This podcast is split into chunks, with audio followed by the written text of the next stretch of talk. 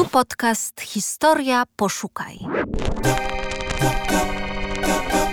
Najciekawsze tematy, perypetie niezwykłych bohaterek i bohaterów, zadziwiające losy dzieł sztuki. Siedzicie wygodnie? To posłuchajcie. Wyjechałem więc w Augustowskie, zabrawszy z sobą brykę książek, z których dopiero w drodze uczyłem się. Zapisał w pamiętniku Ignacy Prądzyński, główny architekt kanału augustowskiego, najśmielszego i najdroższego przedsięwzięcia w historii Królestwa Polskiego. Europa była wyniszczona przez wojny napoleońskie. Eksport zboża i produktów rolnych na rynki zachodnie miał kluczowe znaczenie dla odbudowy gospodarki i zachowania autonomii Królestwa Polskiego. Brak bezpośredniego dostępu do Morza Bałtyckiego kładł się jednak cieniem na ambitnych planach rozwoju ekonomicznego państwa, które powstało na mocy decyzji Kongresu Wiedeńskiego. Każdy towar spławiany Wisłą do portu w Gdańsku podlegał opłatom narzuconym przez Królestwo Prus. W ramach wojny celnej Prusy wprowadziły represyjne cła na żywność. Stawki wzrosły nawet trzynastokrotnie. To zmusiło Królestwo Polskie i Cesarstwo Rosyjskie do podjęcia zdecydowanych kroków. Pomysłodawcą ominięcia głównej arterii komunikacyjnej Wisły przez wytyczenie nowej drogi wodnej był książę Franciszek Ksawery Drucki-Lubecki, minister skarbu królestwa. Swój zamysł, podobny do dawnej koncepcji z czasów Stefana Batorego, osobiście przedstawił Aleksandrowi I już w 1822 roku. Negocjował wówczas na petersburskim dworze warunki korzystnego porozumienia handlowego pomiędzy królestwem a imperium.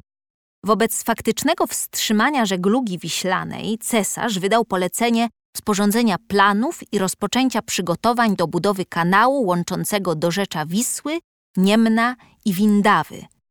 Ku niezadowoleniu Lubeckiego pracę zlecono wojsku.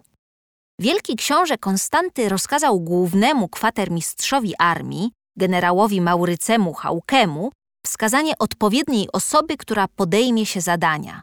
Wybór padł na podpułkownika Ignacego Prądzyńskiego, inżyniera i budowniczego fortyfikacji, a także uczestnika bitew pod Berezyną i Lipskiem, odznaczonego krzyżem złotym orderu Virtuti Militari.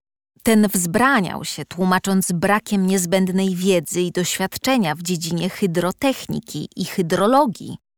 Hauke nalegał, mówiąc: Ja na żaden sposób nie mogę księciu powiedzieć, że w polskich korpusach artylerii, inżynieryi i kwatermistrzostwa nie mam oficera, co by potrafił zrobić projekt kanału. Jeśli sam się nie chcesz tego podjąć, powiedzże mi, ale pod odpowiedzialnością twego sumienia, kto to lepiej od ciebie zrobi ale Prądzyński nie znalazł na to odpowiedzi.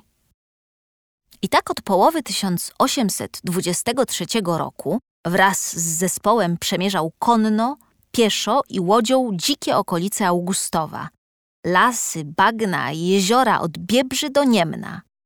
Korzystając z pomocy miejscowych rybaków, mierzył i kreślił plany. Gdy projekt składający się z wyszukanego memoriału w języku francuskim i autorskich rysunków Prądzyńskiego zaakceptował car, ruszyła inwestycja. W ten sposób powstała sieć sztucznych kanałów łączących uregulowane koryta rzeczne Netty, Czarnej Hańczy i jezior augustowskich. Ponad 50-metrową różnicę wysokości niwelowało 19 śluz.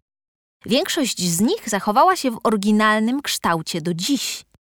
Regulacja poziomu wód kanału nie byłaby możliwa bez szeregu konstrukcji hydrologicznych, w tym 29 jazów i dodatkowych przekopów. Wzdłuż kanału usypano groble i wyznaczono drogi holownicze. W budowie uczestniczyło jednocześnie parę tysięcy robotników. Większość surowców, w tym czerwoną cegłę i biały piaskowiec, pozyskiwano na miejscu. To właśnie wówczas opracowano recepturę cementu augustowskiego, rodzaju wapna hydraulicznego wiążącego pod wodą. trwalszego niż zamienniki użyte do napraw w XX wieku. Co zmienił kanał augustowski? Jakie były dalsze losy Ignacego Prądzyńskiego?